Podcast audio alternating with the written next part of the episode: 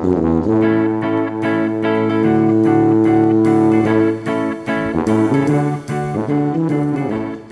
sier vi velkommen til ny sending i Vekas utvalgte. Og dagens gjest hun har gitt ernæringsråd til de beste langrennsløperne i Norge i ei årrekke. Og nå er det fersk seriemester Molde fotballklubb som nyter godt av kunnskapen hennes. Men mest tid bruker hun likevel nå på den nystarta aktivitetslodgen til stryningen og mannen Svein Ørjasæter. Velkommen til deg, Heidi Holmlund. Tusen takk. Ja, hvordan står det til? Det står bra til. Det gjør det. Det er godt å høre. Så nå har jo du, eh, så jeg sa, havna litt inn i turist- og opplevelsesindustrien, for å sette et eh, navn på det. Men jeg tenkte vi må nå starte med det du har lengst eh, erfaring innen, nemlig idrett og ernæringsfysiologi. Og sånn, kort fortalt innledningsvis, hva innebærer det å være ernæringsfysiolog? En ernæringsfysiolog, eller det som er min utdannelse, er en klinisk ernæringsfysiolog. Det vil si at jeg kan gi råd til folk og grupper, som f.eks. idrettsutøvere, på hva man skal spise for å holde seg frisk. Men også i forhold til det å på en måte prestere bedre innen idrett. Da. Så mye av den jobben som har vært min i Olympiatoppen mens jeg bodde i Oslo, var å tilrettelegge for at idrettsutøvere skulle kunne prestere bedre i sin idrett med riktig kosthold. Altså hva spise før trening, underveis i trening, etter trening. Eh, hvordan på en måte øke inntak av mat i perioder der du øker treningsmengder hvordan legge til rette for det i konkurransesammenheng når man er nervøs og ikke egentlig får i seg så mye mat. Og kanskje hvis, eh, så har jeg også i tillegg en etterutdannelse på ernæring i forhold til de som får utfordringer med mat, anstrengt forhold til mat, spiseforstyrrelse osv. Mm. Ganske omfattende felt, skjønner jeg. Ja, det, det, kan, det, kan, omfatte mye, og det kan også være ganske spesifikt. Så det er jo noe av det som jeg har likt veldig godt med den jobben. at inn med mat og, og, og f.eks. også hvile, søvn og den helheten rundt et menneske som på en måte også skal funke for å holde seg frisk og skadefri og sykdomsfri, eh, har vært en eh, hjertesak for meg alle de årene jeg jobba med idrettsutøvere. Mm. Mm. Og forrige uke var det vel, eh, så ble du på mange måter litt uh, aktuell. For da kom nemlig uh, Therese Johaug ut med bok. Og i forbindelse med den så uh, ble ditt navn nevnt uh, både i artikler og intervju hun hadde. Og det kom jo fram i denne boka at du ble kobla på ganske tidlig i karrieren hennes. Og kanskje du bare kan fortelle litt om bakgrunnen for det? Når man jobber i Olympiatoppen, så jobber man som ernæringsfysiolog og har ansvar for ulike idretter. da. Ehm, jeg fikk tidlig ansvar for de store utholdenhetsidrettene våre, eh, som langrenn, skiskyting og eh, eh, Og der ser vi jo det at en prestasjonsvariabel for å bli aller, aller best i en sånn idrett, kan være vekt. Og når, øh, når, man skal jobbe inn i de idrettene, så blir det en balansegang med å skulle gi råd, og også en balansegang for utøvere å ligge på. Det Therese har beskrevet som en knivsegg. Altså du skal ha en energibalanse der du inntar nok mat til å tåle mye trening, men du må samtidig ha en optimal kroppssammensetning, som vi kaller det for, på det språket, for å på en måte kunne yte maksimalt og vinne et VM-gull eller et OL-gull. Så det, eh, det, var veldig spennende å få komme inn og på en måte veilede på det. Og så er det jo spørsmål om på det ytterste, ytterste toppidrett, så snakker vi om de eldste utøverne som er ferdig utvokst, og som, som, eh, som skal prestere på de, de største arenaene. Eh, så er det veldig viktig da at man ikke kanskje eh, trekker de rådene ned i de yngre aldersgruppene. Og Therese var ung. Therese var i den alderen her ganske eh, fersk inn i den ytterste toppidrett, så vi begynte å jobbe inn mot, eh, mot langrenn. Og, eh, med alt fra juniorer til når de, i overgangen til senior. Og, og, og da det, kan det være krevende da, å få i seg nok mat eh, når man skal ligge i en sånn balansegang. Uh, og det var inngangen min til å jobbe med Therese og hele da, det langrennslandslaget. At vi, vi jobba med den balansegangen, da. Uh, og da trengte Therese på et tidspunkt litt ekstra hjelp fra en ernæringsfysiolog som meg, for å klare å treffe på den balansegangen, da. Og det gjorde hun, og hun tok grep, og hun eh, klarte å komme seg på plussida og spise nok mat, sånn at hun tålte å stå i det treningsbelastninga som det er å være toppidrettsutøver. Mm. Og så mener jeg jeg leste en plass at det var eh, lagvenninna, ikke ukjente Marit Bjørgen, som mm. eh, for så vidt eh, setter hun litt på sporet av å kanskje Eller koble hun til deg, da. Mm. Stemmer det, eller? Det er, det, det er, sånn at innad i et sånt lag så har man høy åpenhet om eh, bekymringer eller tilbakemeldinger på at hvis man ser at en utøver kanskje har rett og slett dårlig matlyst, eller ikke har fått i seg så mye mat som man kanskje forventer at den skal ha når den er på treningssamling. Så, den, så er den, er, var Marit en foregangsfigur på, på en måte å kunne gi sånne tilbakemeldinger til oss som var støtteapparatet rundt. Så hun var ganske rask ute med å si ifra at her her hadde Therese en periode der hun nok eh, strevde litt mer med å, få, å treffe på den balansegangen. Og det har jo hun Therese beskrevet i boka si, at det handler om veldig mange andre ting også. Det handler om dødsfall i familien, eh, det handler om en ny eh, skolesituasjon i Trondheim. Det handler om mange faktorer som på en måte kan gjøre at du ikke treffer på balansen. Uh, og da var Marit fort ute med å på en måte hjelpe henne til å få den bistanden hun skulle ha. Vi, vi var nok også på ball, men det, det gjør det, det, en utøver som Therese lytter ekstra godt til en eldre utøver som Marit Bjørgen, så da ble det litt, eh, ble det litt ekstra fart i saken, kan man si. Mm. Mm. Så da var det å sette om på en uh skikkelig kur? ja, det er enkle råd, men som vi alle kanskje kjenner til i forhold til det å skulle øke energiinntak for å gå opp i vekt eller være på plussida. Ja, eh, Utfordringa kan være å få det til når man trener mye, men det er egentlig ikke noe problem. Det er bare at man må ta, ta seg i det og på en måte gjøre en jobb. da. Eh, og Therese var ekstremt eh, dyktig eh, sjøl. Hun greip situasjonen med begge hendene, tok, tok, tok, tak. Og så hadde hun en fantastisk familie og et støtteapparat rundt som bisto. Og det er kanskje en sånn til læring til andre at ser man noen som strever litt med å få i seg nok mat, Enten i forhold til det man trener, eller bare det at man, har, eh, man ikke har det så bra i livet. og Matlysta er på en måte for dårlig i forhold til det man tror en kropp trenger. Så må man ta tak. Og må man faktisk ta tak tidlig. Ikke gå og vente på å tenke at det her ordner seg sikkert på sikt. Man bør egentlig levere den tilbakemeldinga eller bekymringsmeldinga. Mm.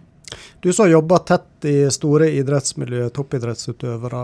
Har du inntrykk av at det er mange som sliter med akkurat dette. Og det er jo lett å bruke ord som spisevegring og den type ting. Vi, vi hører jo innimellom om utøvere som eh, ikke består helsesjekken kanskje før en langrennssesong. Mm. Hva er ditt inntrykk sånn etter mange år? I idretten så har vi et begrep som heter REDS, og det heter relativ energimangel i forhold til idrett. Altså det vil si at du ikke nødvendigvis behøver å ha en spiseforstyrrelse som handler om at du du ønsker å gå ned i vekt eller har en på en måte forstyrra spiseatferd eh, som, som, sitter på en måte mentalt, men at du faktisk bare er i en situasjon der kroppen har fått over litt for lang tid litt for lite mat. Eh, og den situasjonen der ser vi veldig hyppig. Altså Vi ser en fysiologisk reaksjon i en kropp på for lite mat.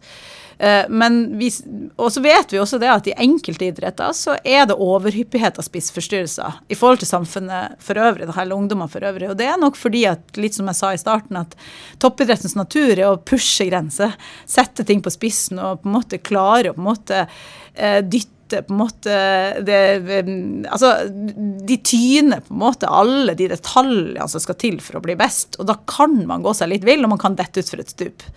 Og det gjøres oftere i idrett enn det kanskje gjøres uh, i, hos andre uh, befolkningsgrupper. Da. Så det gjør at vi som har jobba innenfor det, må være ekstra skolert på å på en måte hjelpe dem opp eller dytte dem på riktig side. Da. Mm. Ja. Og Marit Bjørgen òg, som vi har nevnt der, hun har jo du kanskje jobba enda tettere med. Bl.a. bidratt i ei bok som hun òg kom med i år. Ja, Marit var jo en fantastisk utøver å jobbe med. For Marit var jo en av de som på en måte hele tida på en måte spiste mer jo mer og trente. Altså hun hadde et enormt bra måte, matinntak. Eh, og, eh, og, kanskje var en sånn den gode rollemodellen som alle trengte å se opp til. Da. Eh, hun har jo også sagt, for eksempel, da, som hun også sier i den boka, at på et tidspunkt så måtte hun slutte å spise epler. Fordi at eplene de ga for lite energi, og de tok egentlig bare vom full, ikke sant? Og da hadde hun på en måte ikke plass til de brødskivene som hun egentlig trengte. ikke sant? Og det er også et sånt godt bilde på hva som kreves. da. At du eh, du har ikke rom for så mye av det som på en måte kanskje for oss vanlige dødelige er veldig gode råd for å på en måte få i oss eh, mat eller næring, da. ikke sant? Men for de som da trener så mye, de må gjøre grep som handler om energitetthet. Altså nøtter, brødskive, pasta. Eh, alle de eh, drikker med energi til alle måltid. ikke sant? Altså Alle de tingene som på en måte eh, gjør at det kommer på plussida. da. Mm. Ja. Er det sånn at uh, mange år i uh, bransjen så har du ganske god kontroll på hva som gir hva av kalorier innen ulike matvarer? Det kommer automatisk. eh, altså du kan si Det sånn at det jeg bruker å si til mine utøvere, det er at de skal ikke ha kontroll på kalorier Nei. og gram og sånn, for det er min jobb etter at jeg har studert i ni år og jobba i 15 år. Så, skal, så, så, er det min jobb, mens de skal konsentrere seg om hva slags mat de skal spise, og ikke være opptatt av tallene eller detaljene i den maten. For det, det, det, fører sjelden noe godt med seg. Det fører ofte stort sett bare til bekymringer å gå der og snu på den der matvaren og sjekke kaloriinnhold og sånt. Mens det er klart at det er en del av yrket mitt. At eh, det, det fordrer at jeg kan en god del om det, ja. Mm. ja. Du har et lite motto som gjelder på dette med å måle ting òg, mener jeg har mm. lest. ja, jeg mener det at eh, vi skal veie minst mulig, både mat og kropp. Vi skal måle det som er viktig, og ikke gjøre målinger viktig. Det er altfor mange i dag som lever livet sitt etter apper og målinger på enten pulsklokke eller, eh, eller får en eller annen gjør, lage mat, altså styre matinntaket etter hva vekta var på morgenen osv. Det mener jeg er en uting, da. Jeg mener at vi skal ha en eh, et, et avslappa forhold til mat og et godt forhold til mat, og så handler det om moderasjon da ofte. ikke sant? At det, det, vi vet stort sett hva det går i, men så er det da at det er krevende å gjennomføre av og til i praksis. Og det er det krevende for alle parter, ikke sant. Men at vi ikke skal henge oss opp i detaljer, da. Mm.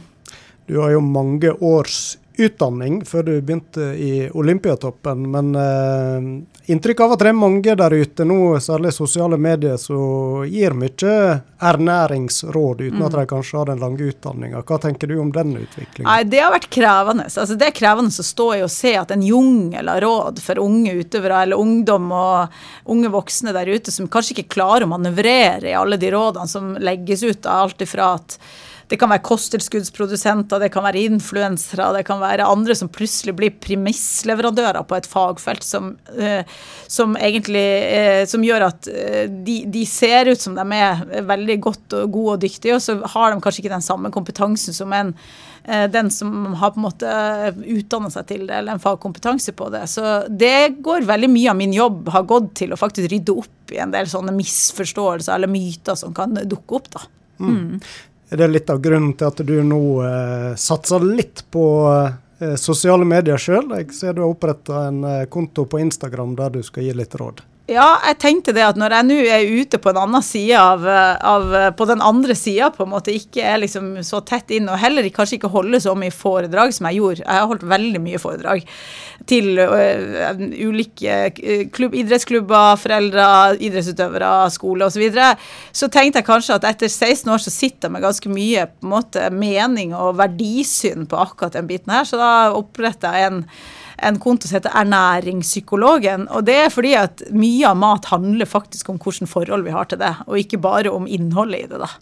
Uh, så, så det, det, der det, har jeg tenkt å liksom ha litt av de, de, rådene som jeg har levert i andre fora før. da. Mm.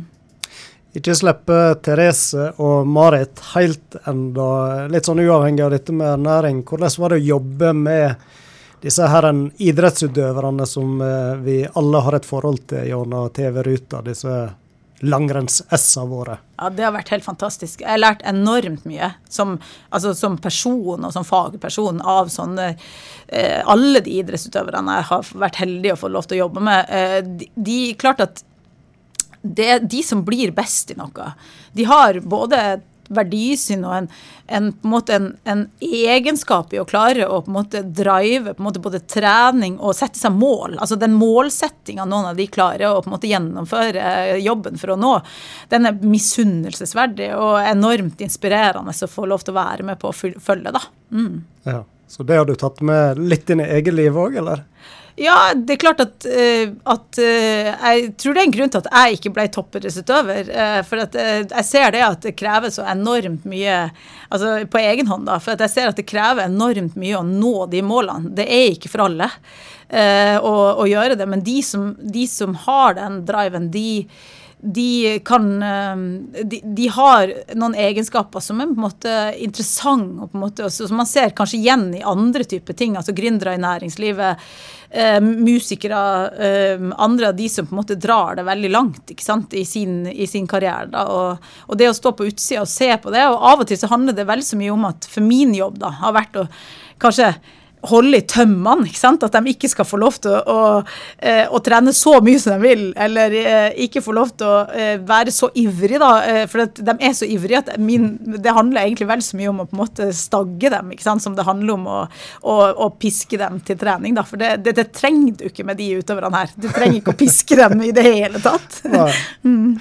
Og så er det jo ikke bare langrennsløpere og skiskyttere du jobber med, det er litt forskjellige idretter. Mm. Ja, jeg har vært heldig. Ja. Jeg har vært heldig. Nei, det har jo vært, eh, det har vært egentlig eh, I løpet av 16 år i Olympiatoppen så tror jeg du kommer innom nesten alt.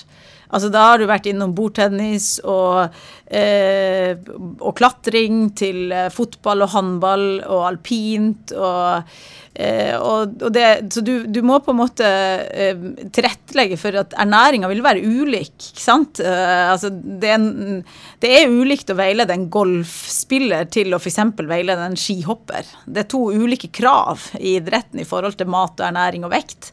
Eh, og det gjør at min faglige kompetanse må justere seg avhengig av idrettens mål og mening. da.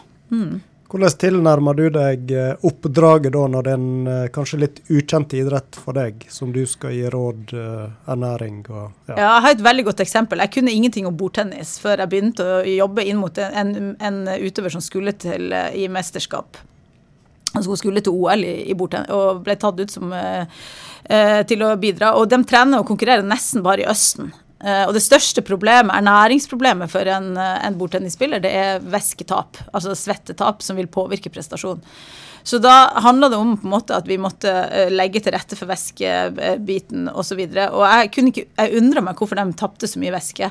Men da viser seg jo det at det går jo ikke an å ha ventilasjon i de hallene, for da vil jo en bordtennisball bare flyge rundt. ikke sant? Så det, de hallene i Asia er så er varme. Det er 45 grader inni de hallene de skal spille i. Så det handler jo om å skjønne på en måte det, det, det de driver med, ikke sant. Eh, og da må jeg være med på tur. Så det har vært veldig spennende å få lov til å erfare å reise med mange forskjellige idrettsutøvere og sett hvordan måte, vi må legge til rette da, for det. Mm. Ja, Det har sikkert vært en spennende del av jobben òg. Eh, du har vært med på både mesterskap og mm. samlinger. Alt fra Alpene til ut mot eh, havet, hvor du måtte være i Asia eller mm. Sør-Amerika. Ja. Mm. ja, det har vært, vært uh, det har vært uh, veldig lærerikt å få eh, møte andre kulturer. Se på, og Der har det jo kanskje vært også en utfordring, da, for at mat i andre kulturer kan være et ganske så stor, uh, stort problem for idrettsutøvere som kommer. da, så Vi reiser jo ofte rundt med store kasser med mat hjemmefra. ikke sant? Og vi, vi hadde jo eh, hundrevis av kilo med, med bl.a. godteri, norsk godteri til OL i Pyeongchang. ikke sant? For det handler om at det er lov å spise det òg når, når man skal prestere i en sånn setting som det der. Og da er det viktig for pga. den der opplevelsen av å kunne slappe av og ha god matlyst, ikke sant? så kan sånne ting være en liten sånn krydder på kaka. da. Ja. Mm. Hva er det gjerne de norske landslagene pakker med seg når de skal på mesterskap? Er det noen sånne must-ting som ja, skal med? Eh, det er det faktisk. Og det er jo det en av de tingene det er jo fra vårt eget fylke. Det er Sol Lerum solbærsirup. Eh, mm -hmm. Fordi at den er veldig mild for magen og en perfekt sportsdrikk for veldig mange. Eh, så er det havregrøt. Eh, og eh, altså havregryn, da, selv om vi får tak i det med de der, de der enkle posene med havregrøt. Og så er det en god del melkesjokolade og, og sånne type ting som også blir pakka i, i, i bagen. Da. Mm. Ja, ja. Mm. Og nå i det siste så er det jo eh, Molde fotballklubb, den ferske seriemesteren du har vært rådgiver hos. Hva har det oppdraget gått ut på, kort fortalt? Nei, Det er litt av det samme. Altså, vi, vårt mål der er jo at eh, de gutta, altså spillerne, de skal uh, prestere optimalt på, på banen med, med, riktig ernæring. Eh, altså, altså, at ernæringa ikke skal være en begrensning for å prestere eller stå i 90 minutter. ikke sant? Altså, så at de, og de får, en, uh, får veiledning på hvordan de skal på en måte tilrettelegge både dagen sin og inngang til kamp. Og ikke minst kanskje når det er tre kamper i uka, der du både har europaligakamp og du har en serie, serie som du skal stå i. Uh, så det går jo på den prestasjonsretta biten inn mot kamp og treningssituasjonen. Men ernæringa har også, og det vi ser internasjonalt, alle de store klubbene, Liverpool og Barcelona, og alle de har jo ernæringskompetente personer. I Barcelona tror jeg de har tre sånne som er ansatt rundt uh, laget, ikke sant. Um, og, og da, er jo, da er det ikke minst for å forebygge skader. Altså ernæringa og mat, hvile, restitusjon, søvn. Uh, hele den pakka rundt treningsarbeidet betyr så utrolig mye for de her spillerne for å være robust nok da, til, å, til, å, stå hele løpet. da. Uh, som er det med så mange kamper som det er i løpet av en, uh, en sesong. da. Så mm. det er ikke minst for den altså skadeforebyggende, og også da rehabiliteringssituasjonen. Når du først har fått en skade, så blir ernæringa viktig. Mm. Var det mye å ta tak i Molde, eller er det noen er bevisst på i fotballen i våre dager, dette, dette tematikken her, da? Ja, altså jo, jo, mer profesjonell fotballen har blitt, og jo mer man ser utover, som jeg sier, at det finnes eh, såpass mange, my, mye proft opplegg rundt det i de store ligaene, så, så, så, er man jo veldig bevisst at det her er en én faktor som betyr noe sammen med alle de andre. Nå er det jo treninga og på en måte det, den biten som alltid må huske man må alltid må huske på er den viktigste og den, den, delen som på en måte betyr mest for det som skjer. Men så er det noe med igjen da tilbake igjen til det å tåle treninga. Det, det, det der ernæringa kommer inn i bildet. At en, en, kropp må være robust nok og bygd på en sånn måte at du, du står løpet hele veien ut. Og det er så mange kamper som det nå har blitt for noen av de aller beste spillerne. Altså De spillerne som er best, de spiller enormt mye kamper og skal tåle mye av det. og det, Da viser seg det at det, det kan være en ekstra på en måte dimensjon. Da. Så Molde eh, har vært kanskje en foregangsklubb i Norge på dette feltet, både med at de hadde Torbjørg Haugen, som kalles for tante, som kokk i Molde siden at Ole Gunnar var der i 2014. Hun ble henta fra skiskytterlandslaget i den tida der, så hun har laga mat til guttene nå i snart ti år. Det blir en veldig spennende situasjon når hun nå slutter før jul. da. Eh, så skal vi ha inn en ny kokk, og det, det blir en æra som er over i Molde, da. Eh, for hun har vært en fantastisk samarbeidspartner for meg og en eh, viktig brikke i det matspillet som har vært der oppe da, i Molde. Mm. Da blir det litt din jobb å lære opp den nye kokken, eller? Det blir det. Mm. Ja.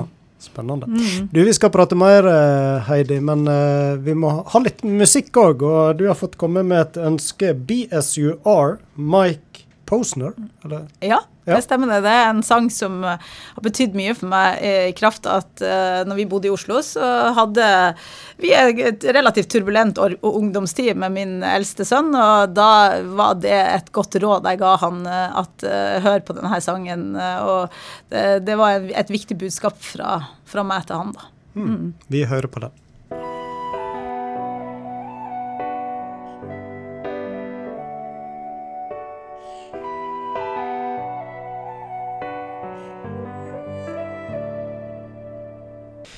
Du lytter til Ukas utvalgte, og gjest i dag det er Heidi Holmlund. Og vi må bli litt bedre kjent med deg, eh, Heidi. Og da kan vi kanskje starte med oppveksten da, i Narvik. Og hvordan eh, var det å være barn og ungdom der på ja, 70-80-tall?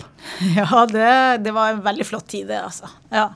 Jeg er, eh, oppvokst ei mil utenfor Narvik som heter Ankenes. Nærmeste nabo til Fritz Aanes, som var brytetreneren i hodet i klemme. Så vi hadde ganske mye artige eh, barndomsopplevelser eh, på Ankenes i Narvik, der, eh, der, det var mye aktivitet, mye eh, gode venner. Eh, fotball, turn, alle mulige aktiviteter som eh, mamma og pappa tok meg med på. Så det var en god tid. Mm. Ja, ja, det var jo egentlig neste spørsmål. det, siden Han er en av få Narvik-kjendiser jeg vet om. Fritz Aanes og er veldig aktuell nå i 71 grader nord og hodet i klemme, som du nevnte.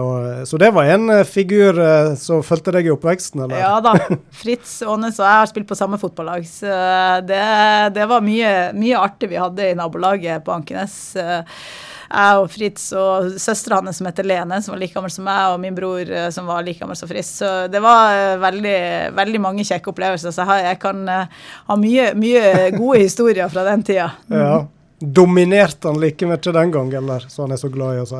Eh, han skilte seg ut, ja. Det kan jeg si med en gang. Det var, ingen, det var ingen som det var, For eksempel så var det veldig artig å være hjemme hos han Fritz Olene, at de hadde brytematte i, i hele stua. Oh, ja. ja. det var ikke mye stue der. Det var bare brytematte. Så det var, det var sånn Det var tidlig på en måte spesialisering. Nå hadde han jo en far som var norgesmester i bryting, og en bestefar som hadde det samme, så det var liksom en familie som eh, som levde ånda for det. Så der fikk vi prøvd oss alle sammen, da. Men eh, hvis du skal prøve å beskrive Narvik, hva type byplass er det? Narvik er en uh, arbeiderby. Uh, uh, som selvfølgelig er prega av at den ble bomba under krigen. og det har vært en veldig viktig del av Narviks historie. Uh, som gjør at vi har et krigsminnemuseum, og hele min familie på en måte også har på en måte mange historier fra krigen. da. Eh, så det er jo oppvokst med historier fra i sofakroken sammen med bestefar eller andre som kunne fortelle om det som skjedde mellom 1940 og 1945, og der hele byen måtte bygges opp etterpå det. Eh, så det er klart at det ligger jo eh, til rette for at eh, det er jo samtidig at det er malm, malmtransport fra Sverige som på en måte er hjørnesteinsbedrifter i Narvik. Men Narvik har òg en stolt idrettshistorie, både med bryting, Narvik atletklubb som var nevnt her, men også ikke minst Mjølner, da, som er fotballklubben i, i Narvik, som, som, har vært i de øverste divisjonene, og, det, hei, og Narvik alpinklubb, ikke sant. Mm. Så, så det, det, var en stor del av min oppvekst, da. Det handla om den, det idrettsmiljøet, da. Mm. Og du regner jeg med var aktiv innen idretten sjøl? Ja, jeg spilte eh, først så drev jeg med turn. Uh, og, og det, det, var mye trening. Fire-fem ganger i uka. Og så uh, gikk jeg over til å begynne mer og mer på fotball, som jeg nevnte her i sted. Jeg og Fritz spilte på samme lag. Vi tapte de første kampene 17 og 20-0, husker jeg. Men uh, det kom seg ganske raskt. Så, så, og så gikk jeg på fotballgymnas på, på, videregående med 17 gutter og to jenter, så der fikk jeg bryna meg litt. og så, så det var, en, det var en artig tid, da. Mm. Men du fikk ikke spille på eget jentelag, damelag? Jo, det, vi gjorde det etter hvert. Spilte vi, når jeg begynte på videregående, så spilte vi på, på, på egne damelag. da. Det gjorde vi. Mm. Ja. Er du fra en idrettsfamilie? Jeg har ei mamma som alltid dro meg med på veldig mye aktivitet. Uh, hun la til rette for at vi skulle på en måte få prøvd oss på veldig mange forskjellige typer ting. Uh, og det var en aktiv familie. og Pappa tok meg med på mye fjellturer, klatring. eh, gjorde at jeg ble veldig glad i friluftsliv. Eh, men noe sånn toppidrett eller noe sånn satsing har aldri vært fokuset i vår familie. Det har vært tilrettelegging for mye fysisk aktivitet. da. Mm. Og så eh, ble du så gammel at det var på tide å ta høyere studier. Da reiste du til Oslo og idrettshøgskolen og ble der ganske mange år. Var det opplagt at det, du skulle ende opp der, eller? Nei, der skulle jeg egentlig bare gå ett år. Jeg var faktisk kommet inn på medisinstudiet i Tromsø. Eh, så jeg hadde planen om å gå idrett-grunnfag, for jeg hadde hørt mye om at det var veldig bra, eh, og at det kunne være en god start for å få på, eh, på studielivet. Så jeg var der, eh, tok i idrett-grunnfag og ble helt frelst, rett og slett, i, i studiet, i de folkene jeg møtte der som digga aktivitet like mye som meg. Så jeg tok ett år til, og da ble jeg enda mer frelst. Syntes at det her var helt supert. Og så møtte han Svein. Uh, og han var eh, Da fant vi ut at vi tok ett år til, og da endte jeg opp med at jeg tenkte at jeg kan ikke jeg begynne å studere til lege etter det her. Det var litt, virka litt fjernere for meg akkurat da. Og heller ikke at jeg hadde så veldig lyst til å flytte tilbake til Tromsø, for det var eneste plassen jeg kom inn på, på legestudiet. Eh, så da endte jeg opp med å kombinere det med ernæringsutdannelsen, da. Så eh, det er jeg jo aldri angra på i ettertid, altså. Det har bare vært en, eh, en super reise, det, altså. Men det, var, det er rart hvor tilfeldig at han kan ende opp med at du da bare blir, da. Mm. Ja, og det ble jo ganske mange år ved skolen da, etter hvert? Ja da. Jeg følte det var som å gå på ei folkehøyskole i fire år, tror jeg. Vi fikk jo, fikk et, fikk jo vitnemål og kom meg gjennom det, men jeg syns det var en lek. altså. Det var, det var helt fantastiske folk å gå med. Og mange av de er mine beste kompiser i dag, de jeg møtte da. Og som sagt møtte han Svein i tillegg, så det, det var kjekt. Ja. Var han like energisk i studiene som vi kjenner som her, eller? Ja, han var nok mest energisk eh, på alt det som skjedde utenom selve studiene, ja. eh, som, som, vi også kjenner han på her. Eh, men det er jo noe av det som på en måte er falt for òg, da. Som er den energien han hadde. Mm. Ja. Men da ble det ni år med studier da, til sammen? Ja, det gjorde faktisk det. Så, ja. Lenger enn legestudiet òg, det? Ja, det gjorde det. Så det kan du si. Det, det, men det, det, føltes ikke som et offer, det føltes bare som en eh, kjekk reise, da. Eh, så det, var mange år i Oslo. Og mange år på Kringsjå studentby. Jeg tror jeg har en av de med lengst fartstid akkurat der. Og så fikk du jo jobb da i Olympiatoppen, og det tenker nå jeg må nå, det må nå vel nesten være gromjobben det for en med de utdanning? Ja, det var det. Det, det, det var det, altså. Det var kunne ikke blitt bedre når du har studert idrett og, og ernæring, og så få jobb med å toppidrett eh, og utøve det i praksis, som vi var inne på her tidligere. Eh, så, så det var heldig, heldig, at det var ei stilling ledig, og at eh, jeg fikk være med på, på den reisa der. Mm. Ja. Nå har vi jo vært inne på en del av det du, du jobber med de åra, men er det epoker eller opplevelser som sitter særlig godt eh, spikra til minne i løpet av disse 16 åra? Ja, det, det, er mange, og det er kanskje spesielt de der Jeg blir veldig rørt av å se at idrettsutøvere som jobber så hardt, uh, klarer å nå målene sine. Så det er spesielt de verdensmesterskapene i ski og skiskyting jeg har fått vært med på.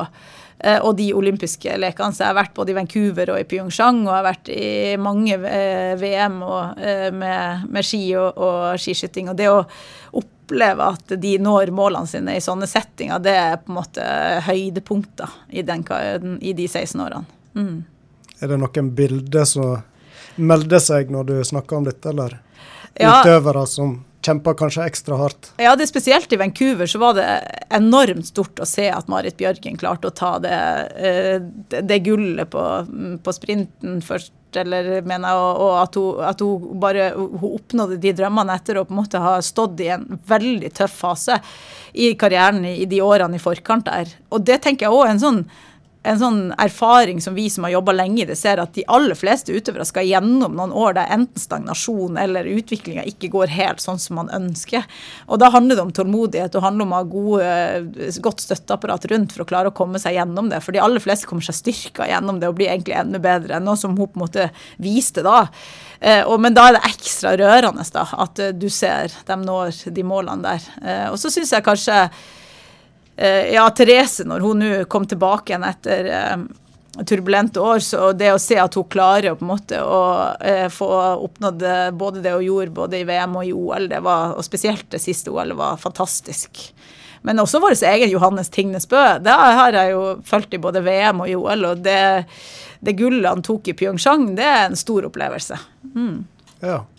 Når du nevnte Marit her, var du med på den kall det snuoperasjonen som var etter at hun hadde motgang noen år og kom tilbake for fullt i Vancouver? Ja, jeg var med som en del av et større team, men som jeg sa, at Marit har alltid spist bra. Så ma maten var egentlig mer enn bare sånn kontrollpost på at det må vi bare, eh, bare få til å, til å, på en måte bli en eh, Altså gå som det skal, og gå som det alltid har vært. Det var kanskje ikke der på en måte eh, hovedpoenget i snuoperasjonen lå, da. Men, det, men som en del av det større teamet, så var jeg det, ja. Mm. Men hvilen oppi det forsto jeg var viktig for det hun gjorde. For Helt hun var vel ganske utslitt der. Ja, det er noe med at man har varva med litt for høyt turtall over tid, da. Så vil kroppen på en eller annen måte Altså, den tåler, det, tåler ikke treninga. Altså, den, på en måte skrur av noen kanaler, liksom. Og, sånt. og det å få de, de, eller de på en måte forbrenningsovnene til å skru seg på igjen, hvis man skulle bruke et sånt bilde, uh, de, det, det, blir på en måte en, en eh, lirkeprosess mellom trening, ernæring, hvile. Men ernæringa hos henne var egentlig mer en sånn støttefunksjon. Det var egentlig mer å på en måte bare sikre at den var så bra som den alltid hadde vært. ikke sant? Mens det var, de, var det å justere både trening, hvile og ikke minst kanskje også den, det, det derre puslespillet med den mentale delen oppi i det hele. Så jeg av mine eh, beste kollegaer gjennom mange år har vært Britt Tayet Foxell, som er på en måte en psykolog og mental, eh, men den mentale på en måte bistanden som har vært gitt til veldig mange av de her utøverne. Hun er helt fantastisk på en måte til å på en måte putte det inn i toppidrettens natur. da. Mm. Mm. Men dette med ernæring, eh, opplever du at det har endra seg mye? Altså ernæring opp mot prestasjoner innen idretten eh, i løpet av de åra du har vært i faget? Ja, altså de, det, de, det, har skjedd en eksplosjon i løpet av 20 år. Fra 20, når, vi, når jeg begynte eller studerte det her på begynnelsen av 2000-tallet, så hadde vi jo strengt tatt bare ei ernæringsbok, og det fantes ikke bok om idrettsernæring. Nå finnes det mange bøker, det finnes enormt mange nettsider, det finnes mange leverandører av ulike kosttilskudd, det finnes uh, enormt mange råd og, og, som de her idrettsutøverne blir eksponert for. Og, og som jeg sa i sted, en jungel av ting de skal manøvrere i. Så, og det gjelder for oss også, som fagpersoner. At vi skal manøvrere i denne her eh, litteraturen og, eh, og kunne støtte oss til det som vi tror er dokumentert, for det er ganske viktig. Og det andre som er viktig å tenke på for en ung utøver, det er jo risikoen for at hvis du tar noe som er et kosttilskudd som kanskje inneholder på en måte forbudte stoffer, så kan du bli tatt i en dopingtest. Vi har f.eks. i Olympiatoppen ei hel stilling nesten bare som går til risikovurdering av, av tilskudd utøvere kan eller ikke kan bruke. da. Eh, sånn at det er, det er, liksom, det er ganske mye arbeid som har skjedd, eller, de, eller, mye utvikling som har skjedd i løpet av de 20 årene som, var, som vi må på en måte henge med på. da. Mm. Så det er en reell trussel at disse kosttilskuddene kan inneholde ulovlige stoff. Det er ikke bare en dårlig unnskyldning som kan dukke opp. Nei, det, i USA er denne businessen så svær at de Antageligvis er det sånn at mange produsenter nettopp, nettopp på en måte kanskje tilsetter litt ekstra av forbudte stoffer, stoffer, uten å egentlig skrive det på labelen. Så der må man være ekstremt nøye når man bestiller ting over nett, f.eks. fra andre produsenter fra andre land. At uh, vi har ikke kontroll på hva som finnes i de tilskuddene. Så, uh, så det må en idrettsutøver være godt skolert på har veldig god måte, veiledning på før han, på måte, han eller hun inntar noe som måte, er i pulverform. Mm. Men da går dere gjennom egentlig alt av produkt som utøverne bruker? da, Analyserer? Og... Alle, topp, alle utøvere som er på et landslag og som har et, på måte, et stipend i Olympiatoppen, må levere på en måte kosttilskuddsrapporter hvert år. da, som vi Eh, kvalitetssikre. Kan aldri være helt sikre på at det ikke inneholder noe, men vi kategoriserer det som lav risiko. Eller ukjent risiko, eller høy risiko da, eh, for innhold av forbudte stoffer. Så det er en viktig del av jobben. da. Mm. Gjennom jobben i Olympiatoppen, så én ting er jo at du har jobba med veldig dyktige utøvere, men så har du òg fått jobbe med dyktige ledere trenere. Og der vet jeg det er Anna-Marit som du har som et forbilde. Marit Breivik. Mm. Hvordan, eh, eller hvorfor det? Ja, Marit eh, har både vært heldig og fått jobba som en fagperson under mens hun var trener for håndballjentene, men, men, ikke minst har hun vært en leder i Olympiatoppen. Eh, Marit har en, en, inngang til team som er forbilledlig, og som selvfølgelig har gjort at hun har nådd, altså nådd de resultatene hun har gjort. Hun har Eh, bygd selvstendige utøvere. Hun har vært opptatt av relasjoner i lag, hvor viktig det er. Hvor viktig at utøveren skal kunne uh, stå selvstendig i sin utvikling. Uh, jobbe med team i teamene. Altså det at noen er ekstra gode på enkelte ting, får sosialt ansvar, noen får andre typer ansvar. og hun har, hun har, en pedagogikk og, en, og jeg har også en type personlighet som jeg, veldig, jeg er veldig glad for å ha fått lov til å kjenne. Mm. Har du noe kontakt med hun fortsatt, eller? Ja, absolutt. Det, det, hun inviterer til årlig lutefiskelag, annet, sånt, som uh, man uh, absolutt skulle ha fått prøvd og prioritert. Men uh, det er ikke alltid like lett. Men ja, Marit er også veldig flink til nettopp sånne type ting. da. Invitere og holde kontakt da, med de hun har jobba med. Mm. Ja. Du, vi skal prate mer, men uh, vi må uh, gi litt plass til musikken òg. Og uh, da tenkte jeg vi skulle ta en veldig lokal låt som du har ønska deg. der er laga en ny Strynesang til Stryn Ja. Den, den, betyr litt for meg, for det, det her A-laget har, laget, har syngt inn en ny, helt ny Strynesang. Det er gøy. Da hører vi på den. Mm. Siden 1922 har folket samlast for å sjå på ungdom som kjempa for bygda si ære. Ja, historia starta da. Det var bønder fra Årheim, gutta fra Tolning, Bøa grenda og fra. Det var tøffe tider, men på bana ved elva ga fotballen alle håp. De kjempa for laget, de gav aldri opp. Deres hjerte banka på stryn. De blei venner for livet, de var alle for én. Og én for alle. Ja, klubben betyr så mykje for mange, både på og rundt vår stadion. Saman skapar vi draumar, saman finner vi ei lei. Ifra klubbhuset til Marseille. Vi kjemper for laget, vi gir aldri opp. Våre hjerter banker på stryn. Vi elsker den klubben, vi er stolte som faen. Vi står alltid sammen.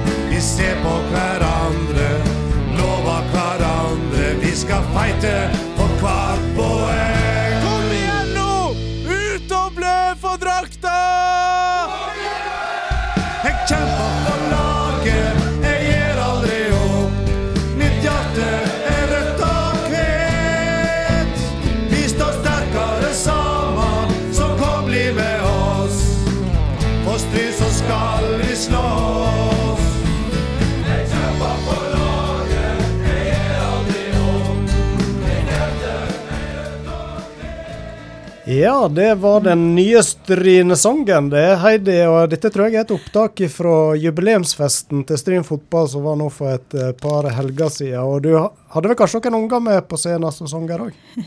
Nei, faktisk oh, nei. akkurat der eh, han Sondre han er i Sogndal, og så er han Ola litt for liten. Ja. Eh, men nei, men jeg, har, jeg er sportslig leder i Stryn fotball, og eh, når vi skulle starte sesongen i fjor, så måtte vi, tenkte at jeg skulle bruke liksom motivasjonsforedrag som vi bruker å gjøre i toppidretten. Og da hadde vi en sånn eh, da hadde vi den, den gamle Stryne-sangen, og så på en måte prøvde vi å, Kanskje vi, vi lånte litt fra Vålerenga sin sang og sånt, så så fant vi ut, eller det er egentlig Paul Hoel sin idé, da, at vi burde lage en helt ny sang. På bakgrunn av litt av det som vi, vi eh, i, i den eh, Vi, vi miksa og triksa litt fra ulike eh, andre sine klubbsanger. Og så ble det et kjempegodt resultat laga av Nils Petter Hauge og Jørn Peder Sætre, som dere hørte her nå. Og, og det, det, det, det er igjen da kanskje lærdom fra Marit Breivik og andre rundt at hvor viktig det er å gjøre andre ting enn bare å være på feltet ikke sant, og spille fotball. Man må faktisk eh, bygge lag også utafor, eh, med å gjøre sånne tiltak som å synge en sang sammen, eller møtes for en pizzakveld, eller eh, bygge relasjoner. Da. For, eh, for idrett er mye mer enn bare prestasjon på banen. Det er også lagspill, lag og relasjoner. Da. Mm. Ja, når vi er inne på denne 100-årsfesten, så eh, var jo du blant de som tok eh, ordet der. Og der noterte jeg meg at du bl.a. sa at vi må få kulturen tilbake. Det må bli kjekt å gå på trening, og det er viktig å ha hele bygda i ryggen. Kan du utdype litt hva du mente med det? Ja, altså etter pandemien så har det vært utfordrende å få tilbake igjen den treningskulturen som vi hadde. Eh, og det tror jeg er både fordi at eh, eh, voksenfotballen, eller de eldste, da, de fikk ikke lov å spille fotball i mange, en, ganske lenge. Eh, og de fant andre ting å gjøre. Eh, eh, de, vi har et lag i Stryn fotball i dag som er nesten bare sammensatt av unge spillere.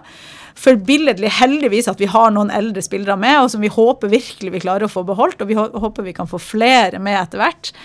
Eh, og der tror jeg bygda er med eh, Hvis at vi klarer å få hele bygda med på å heie på laget og på en måte vise at det faktisk er viktig for Stryn å ha et, eh, et, flaggskip som et fotballag kan være, da, ikke sant? så kan det, de oppleve at de har en, en rolle og en, en heiagjeng i ryggen, og vi kanskje kan klare å få enda større på en måte blest rundt det og på en måte se at at det er viktig å være en del av et A-lag, og for så vidt et damelag i Stryn fotball. da. Mm.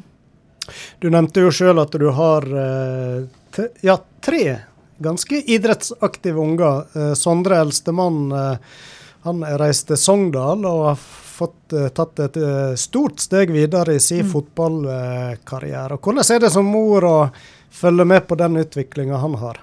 Du, det er utrolig artig og fantastisk, egentlig. For at, som jeg nevnte i den første sangen, så, så, hadde, så bodde vi i Oslo. Og han hadde ei urolig ungdomstid med et uh, kull som var på en måte veldig mye lopper i blod og armer og bein. Og, uh, og, da, uh, og det å se at vi kan flytte tilbake igjen til Stryn, han får fotballgleden tilbake igjen. har alltid spilt mye fotball. Han bodde i en fotballbinge fra han var ganske liten til han til, til, han ble ganske stor. Så han, han måtte for eksempel, altså han måtte gjøre alle leksene i en fotballbinge. Altså det var sånn, sånn med han at han, var, han levde ånda for det. Eh, og det å se at han nå da har gløden og gleden tilbake igjen og kan dra det videre inn i en, en profesjonell karriere, det får han bestemme sjøl, men det har han iallfall tatt et første steg på, da. Mm. Er du ofte nedover og får sett han spille heimekampene på Fosshaugane? Ja, og jeg vil kanskje han er ikke så opptatt om jeg ser kampen, men om jeg kan komme og lage litt middag etterpå. ja, like viktig, det. Ja, det, det, vet du jo. Det er jo kraft av yrket vet jeg jo ja. hvor viktig det er og så med eh, mor og far som har vært aktive fotballspillere, og med din faglige bakgrunn òg, så vanker det nok kanskje et annet råd ja, inn i en idrettskarriere. Ja, men jeg vet jo òg da at det er han det, det, kommer an på, da. Altså jeg skal være støttespiller og heia gjeng så mye jeg, jeg, jeg, kan. Jeg er ingen fagperson, jeg er mamma når jeg er rundt, i den biten der, men jeg vet, og jeg skal legge til rette for det. men men det er, det er, ikke opp til meg om han blir en uh, toppidrettsutøver eller toppfotballspiller. Det handler om hans drive. Uh, om han har lyst til å, å, gjøre det, så skal vi heie på det. Men uh, det er så mye trening, og det er så mye forsakelse. Og det er mye press og prestasjon å stå i en sånn uh, situasjon. For du skal f.eks. få en børs hver eneste helg om hvordan du har gjort det. ikke sant? Det er ingen av oss som går på jobb, og så vi, står det på en måte dagen etter om hvordan vi utførte den jobben ikke sant? med en karakter i, i lokalavisa. Så det er det er på en måte mye som medfører en sånn situasjon. Som, som, eh, som dermed så må de ha med seg hele seg sjøl og både ha, ha, veldig drive for å gjennomføre. Og så skal vi på en måte prøve å være, være støttespillere da, så godt som vi kan. da. Mm. Så det viktigste for deg er kanskje å følge med om idrettsgleden fortsatt er der? Ja, det er alfa og omega. Jeg, det er det viktigste for meg for de ungene mine. at de de har mestring og glede og glød i det de gjør. Eh, og så håper jeg da at de plassene de er, at det klarer å, ledsages av eh, på en måte da utvikling da, i det de gjør. Eh, det tenker jeg egentlig sånn for alle på en måte i en virke, hvilken som helst situasjon eller yrke man velger, da, så er det dem at man må like det man gjør. da. Mm. Mm. Men så etter mange år, 16 år som vi har sagt i Olympiatoppen, så fortalte du her at nå går du all in for Stryn aktivitetslodge, som eh, mannen din Svein Ørja Sæter har eh, starta. Mm, ja. Er det virkelig sant? ja, det, det, det, er jeg veldig stolt over. Jeg er stolt over det han Svein har klart å få til. Har bygd opp, uh, vi kjøpte det første landhandelen i Stryn, som var laga i 1903, og har bygd om til uh, overnatting og aktivitetsturisme. Da, der uh, grupper som bedrifter eller vennegjenger og andre kan komme og på en måte få en, en det vi håper på, da, en opplevelse med Stryn, omgivelsene, naturen i Stryn. Komme tilbake til den, den lodgen og få oppleve både god mat og drikke og være sammen og kanskje, kanskje gi, gi, noe av det som vi syns er kjekkest når vi er ute på, på, på tur og på reise. Da. Så det er en kombinasjon av det å ha lyst til å, å bidra med eh, bidra til å lage gode opplevelser for andre, til at, eh, at, det er gøy når vi først kommer hit eh, tilbake igjen, eller at det at Sven har, har, har, bygd opp den plassen, at vi kan gjøre det i fellesskap, jeg og Sven som en form for familiebedrift. Mm. Ja, du har jo jobba i mange ulike team, og hvordan er det å jobbe i team med egen mann?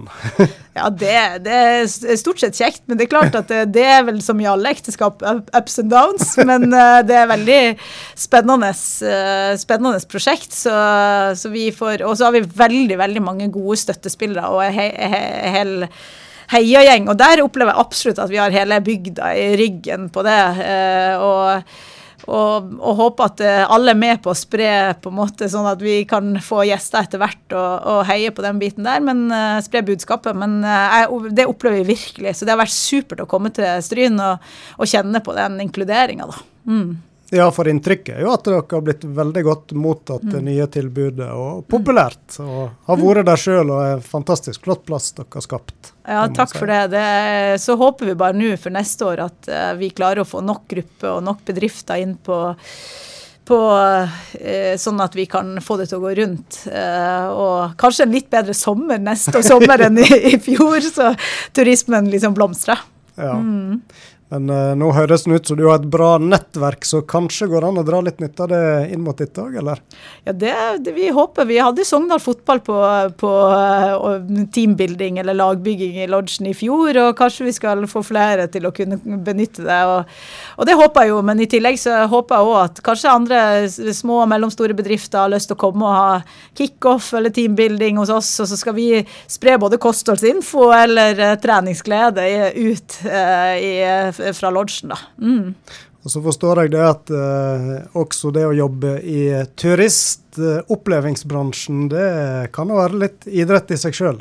ja, det faktisk, altså det å gå inn i det her og sette seg mål om å, å starte sånn, en sånn bedrift, det føles litt som toppidrett. Så her jeg, må jeg ta, dra nytte av alt jeg har lært av de som har dedikert hele livet sitt i en fase til å, å nå målene. Så må jeg kanskje eh, kjenne på den samme på en måte dedikasjonen her nå, da, for å, å, driver drive litt sånn toppidrettsturisme, liksom, rett og slett. Altså, det blir mye helger og mange timer som går med på å skulle få det her til å, til å lykkes, da.